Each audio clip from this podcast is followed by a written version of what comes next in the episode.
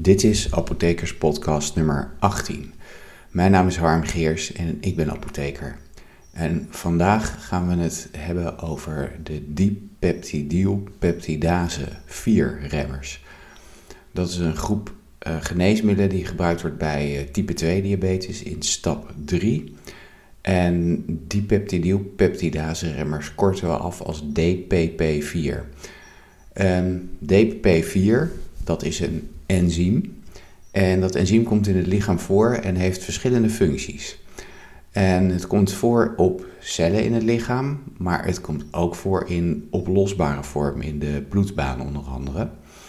En um, de functie van dat enzym in het, uh, in het lichaam is dat het een, uh, nou ja, het is een ingewikkeld woord, een serine exopeptidase is.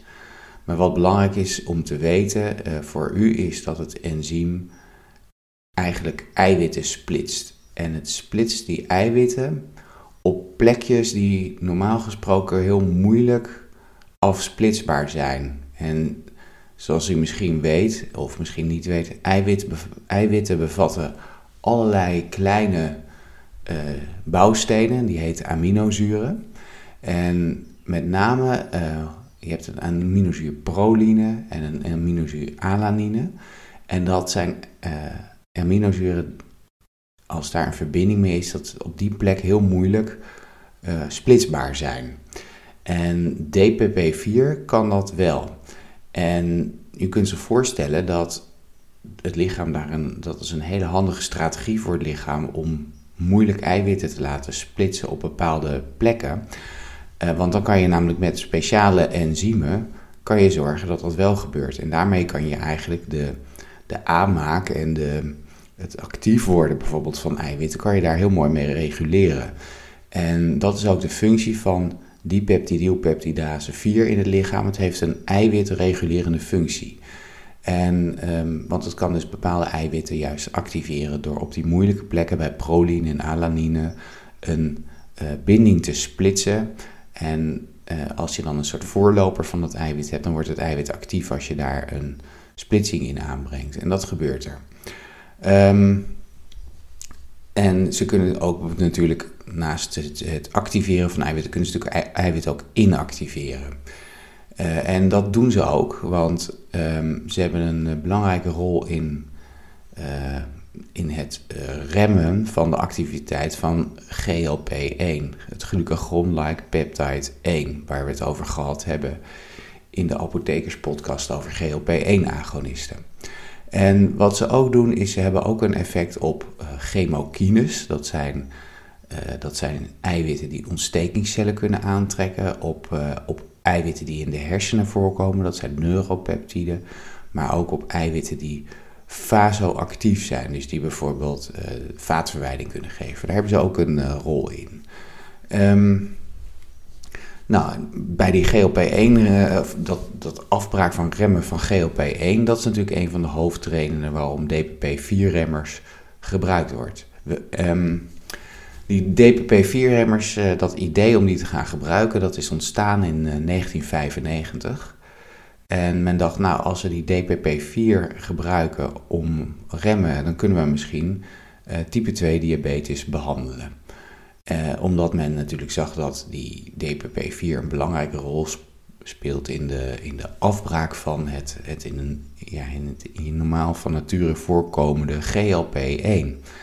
En dat GLP-1 heeft een hele korte halfwaardetijd en daarmee ook een hele korte werkingsduur. Want meestal is een, een, middel na vijf keer een halfwaardetijd ongeveer uitgewerkt. Dat betekent GLP-1 heeft een halfwaardetijd van, van 1 tot 2 minuten. Dus dat betekent dat het na nou ja, 5 tot 10 minuten uitgewerkt is. En zoals we uh, weten uit de podcast over GLP-1-agonisten, zorgt dat GLP-1 voor een verzadigend, verzadigd gevoel en ook voor bloedglucose verlagende eigenschappen. En um, als je dat dus langer kan laten werken door uh, de afbraak ervan te remmen, dan heb je dus langer effect van het GLP-1. Dus langer glucoseverlagende eigenschappen en een langer aanhoudend verzadigingsgevoel, waardoor je minder gaat eten. Ehm, en wat ook belangrijk is, is dat, dat uh, GLP-1 uh, eigenlijk alleen maar werkt als de glucosespiegel normaal is of als de glucosespiegel uh, normaal, no, verhoogd is, dus normaal of verhoogd is. En dat betekent eigenlijk dat die DPP-4-remmers geen hypo's kunnen veroorzaken. En dat is ook mooi meegenomen. Um, verder remmen die, uh, die DPP-4-remmers ook de afbraak van het glucose-dependent insulinotropic polypeptide, oftewel het GIP. Hebben we het ook over gehad in de podcast over uh, GLP-1-agonisten. En dat GIP dat zorgt voor uh, stijging van de, de insulinesecretie. Dus met andere woorden, daarbij zorgt het nog voor een betere glucoseverlaging. En GIP1, of GIP, dat, dat uh, glucose-dependent insulinotropic polypeptide, heeft nog een andere eigenschap, namelijk het zorgt er ook voor dat glucagon beter kan gaan werken. Dus dat betekent dat als er al een beetje een hypo zou zijn en je zou een DPP-4-remmer gebruiken, dat GIP ervoor zorgt dat glucagon beter gaat werken, waardoor de glucosespiegel ook weer sneller stijgt bij momenten dat, er, dat die laag dreigt te worden. Dus daarmee heb je ook nog eens een keertje een voordeel. Verder uh, zorgt dat DPP-4 ervoor dat een eiwit, een, uh, een peptide PII-136 niet wordt afgebroken naar PII-336. Dus deel 3, dat betekent dat zijn de nummers van de aminozuren. Um, dat PII-336 is een eiwit wat, uh, wat zorgt voor um, een verzadigingsgevoel. Nou, dat is belangrijk om te weten, omdat als dat eiwit minder gevormd wordt, dat PII-336, um, dan heb je dus um, sneller, of je kan langer dooreten. Want dat verzadigingsgevoel treedt minder, minder op, omdat dat eiwit minder gevormd wordt door die DPP4-remming. Um, dus dat is een, nou ja, kan je zeggen, dat is eigenlijk een wat minder prettig, omdat je daarmee dus minder die verzadigings, dat verzadigingsgevoel onderdrukt. Uh, in Nederland zijn er in totaal uh, vier DPP4-remmers geregistreerd. Het zijn allemaal orale vormen, dus je neemt ze in als tablet. We hebben sitagliptine, saxagliptine, linagliptine en veeldagliptine. En alleen het veeldagliptine neem je twee keer per dag in, de rest allemaal één keer per dag. Maar wereldwijd zijn er wel meer dan, uh, dan elf verschillende uh, DPP-4-remmers onderzocht en er zijn ook veel meer geregistreerd wereldwijd. Uh, verder zijn er in Nederland ook combinaties met metformine beschikbaar. En er is ook een combinatie met de SGLT2-remmer ertugliflozine geregistreerd. Um, die DPP-4-remmers die worden normaal gesproken uitgescheiden door de nier. Dus op het moment dat de nierfunctie slecht is, uh, moet je de dosering aanpassen, anders worden de spiegels te hoog. Um, linagliptide is een een beetje een afwijkend gevalletje hier. Uh, want het is een eiwit wat sterk wordt, of het is een stof die sterk wordt gebonden aan plasma-eiwitten.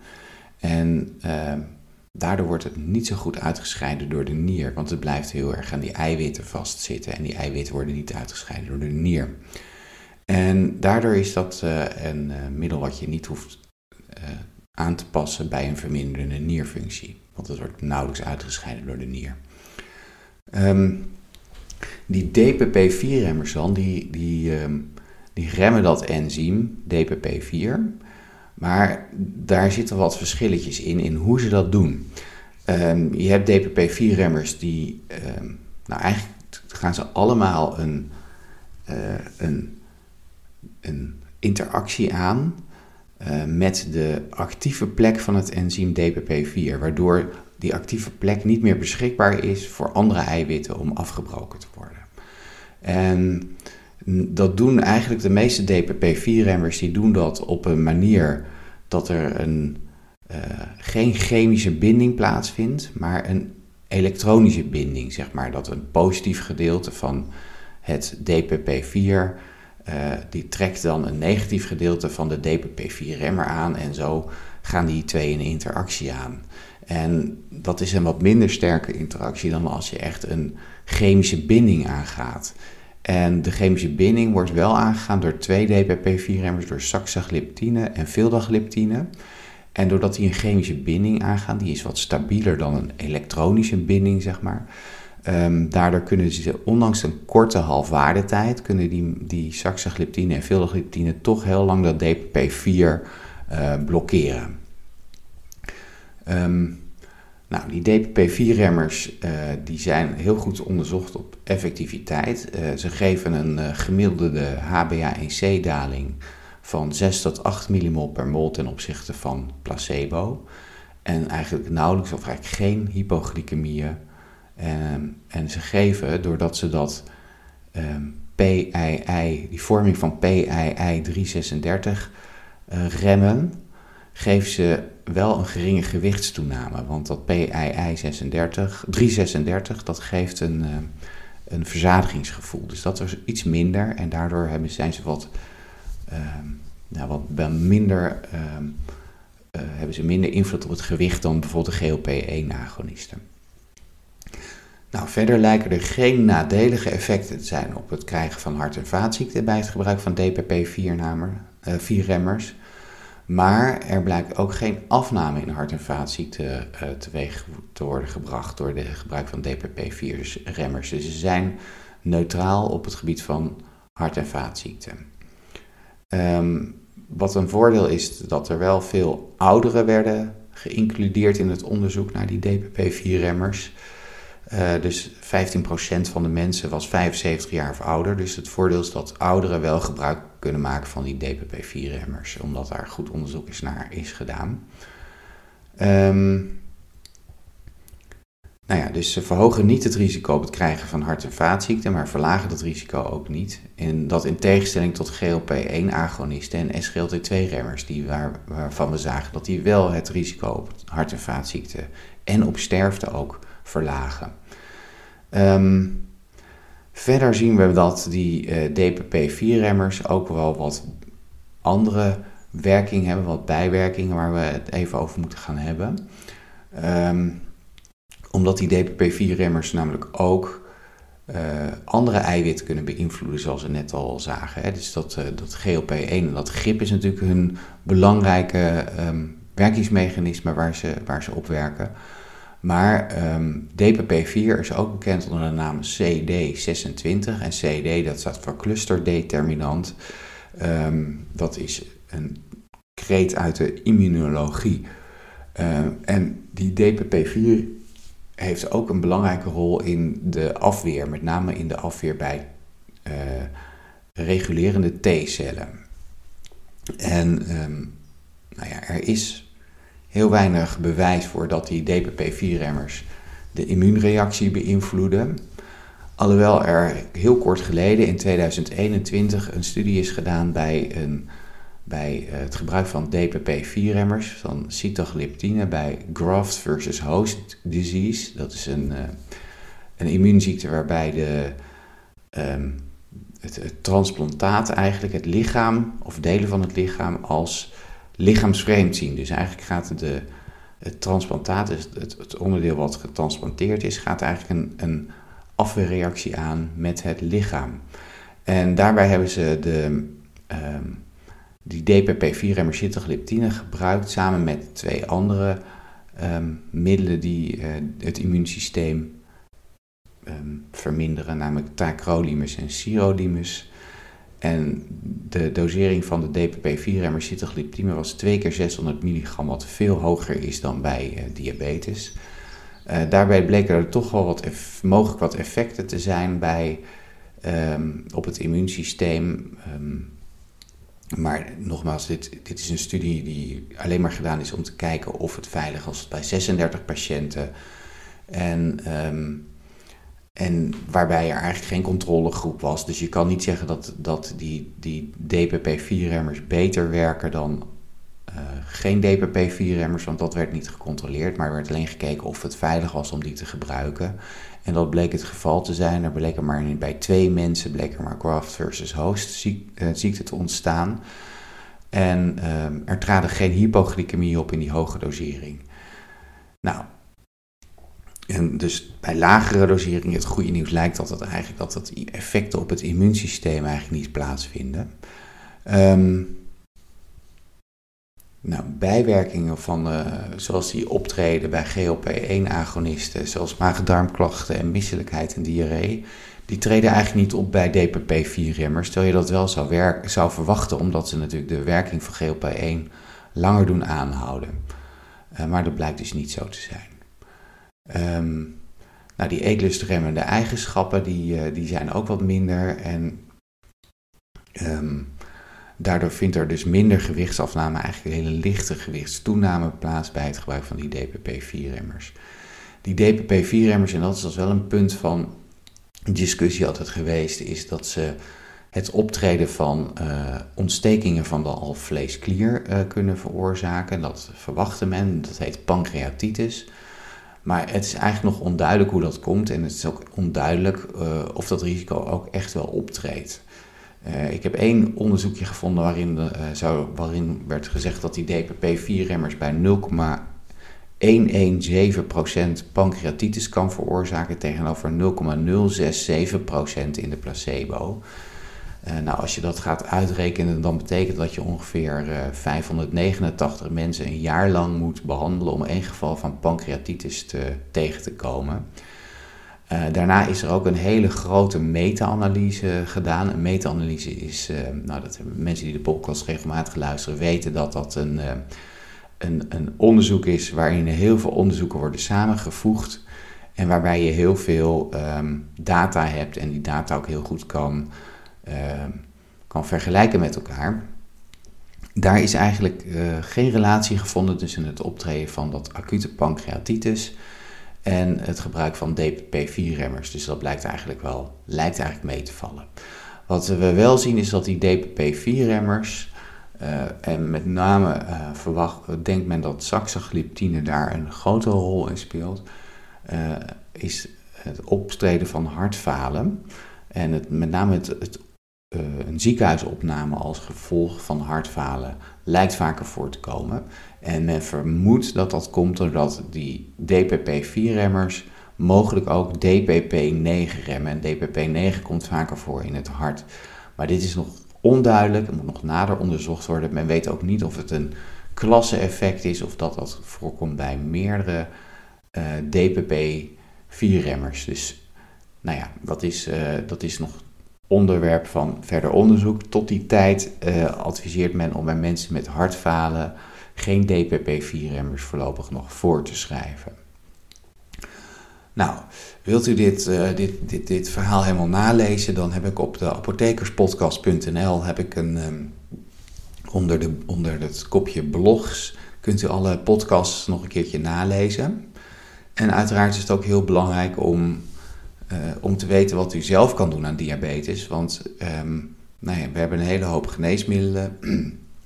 Maar zoals, uh, zoals ik altijd al zeg, de beste uh, therapie kunt u zelf doen. En dat is namelijk door meer te bewegen, gezond te eten, matig met alcohol, stoppen met roken. En dat is gewoon nog steeds de allerbeste manier om te zorgen dat u diabetes om kan keren.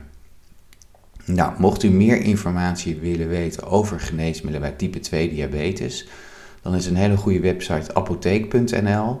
Dat is een onafhankelijke website waarin uh, ja, u meer informatie kunt vinden over alle individuele geneesmiddelen die, die gebruikt kunnen worden. Dus ook de DPP-4-remmers bij type 2 diabetes. En dat was dan alweer de, uh, het einde van deze apothekerspodcast. Ik hoop dat u er veel, met veel plezier geluisterd heeft. En mocht u uh, de apothekerspodcast leuk vinden, schrijf dan een review op op, de, op uw podcastplatform of geef een, beoordeling over de Apotheekspodcast. En vooral vertel het door aan familie, vrienden en kennissen. En ik hoop u volgende week weer aan te treffen achter uw uh, mobiele telefoon of waar u de podcast ook maar luistert. Tot volgende week.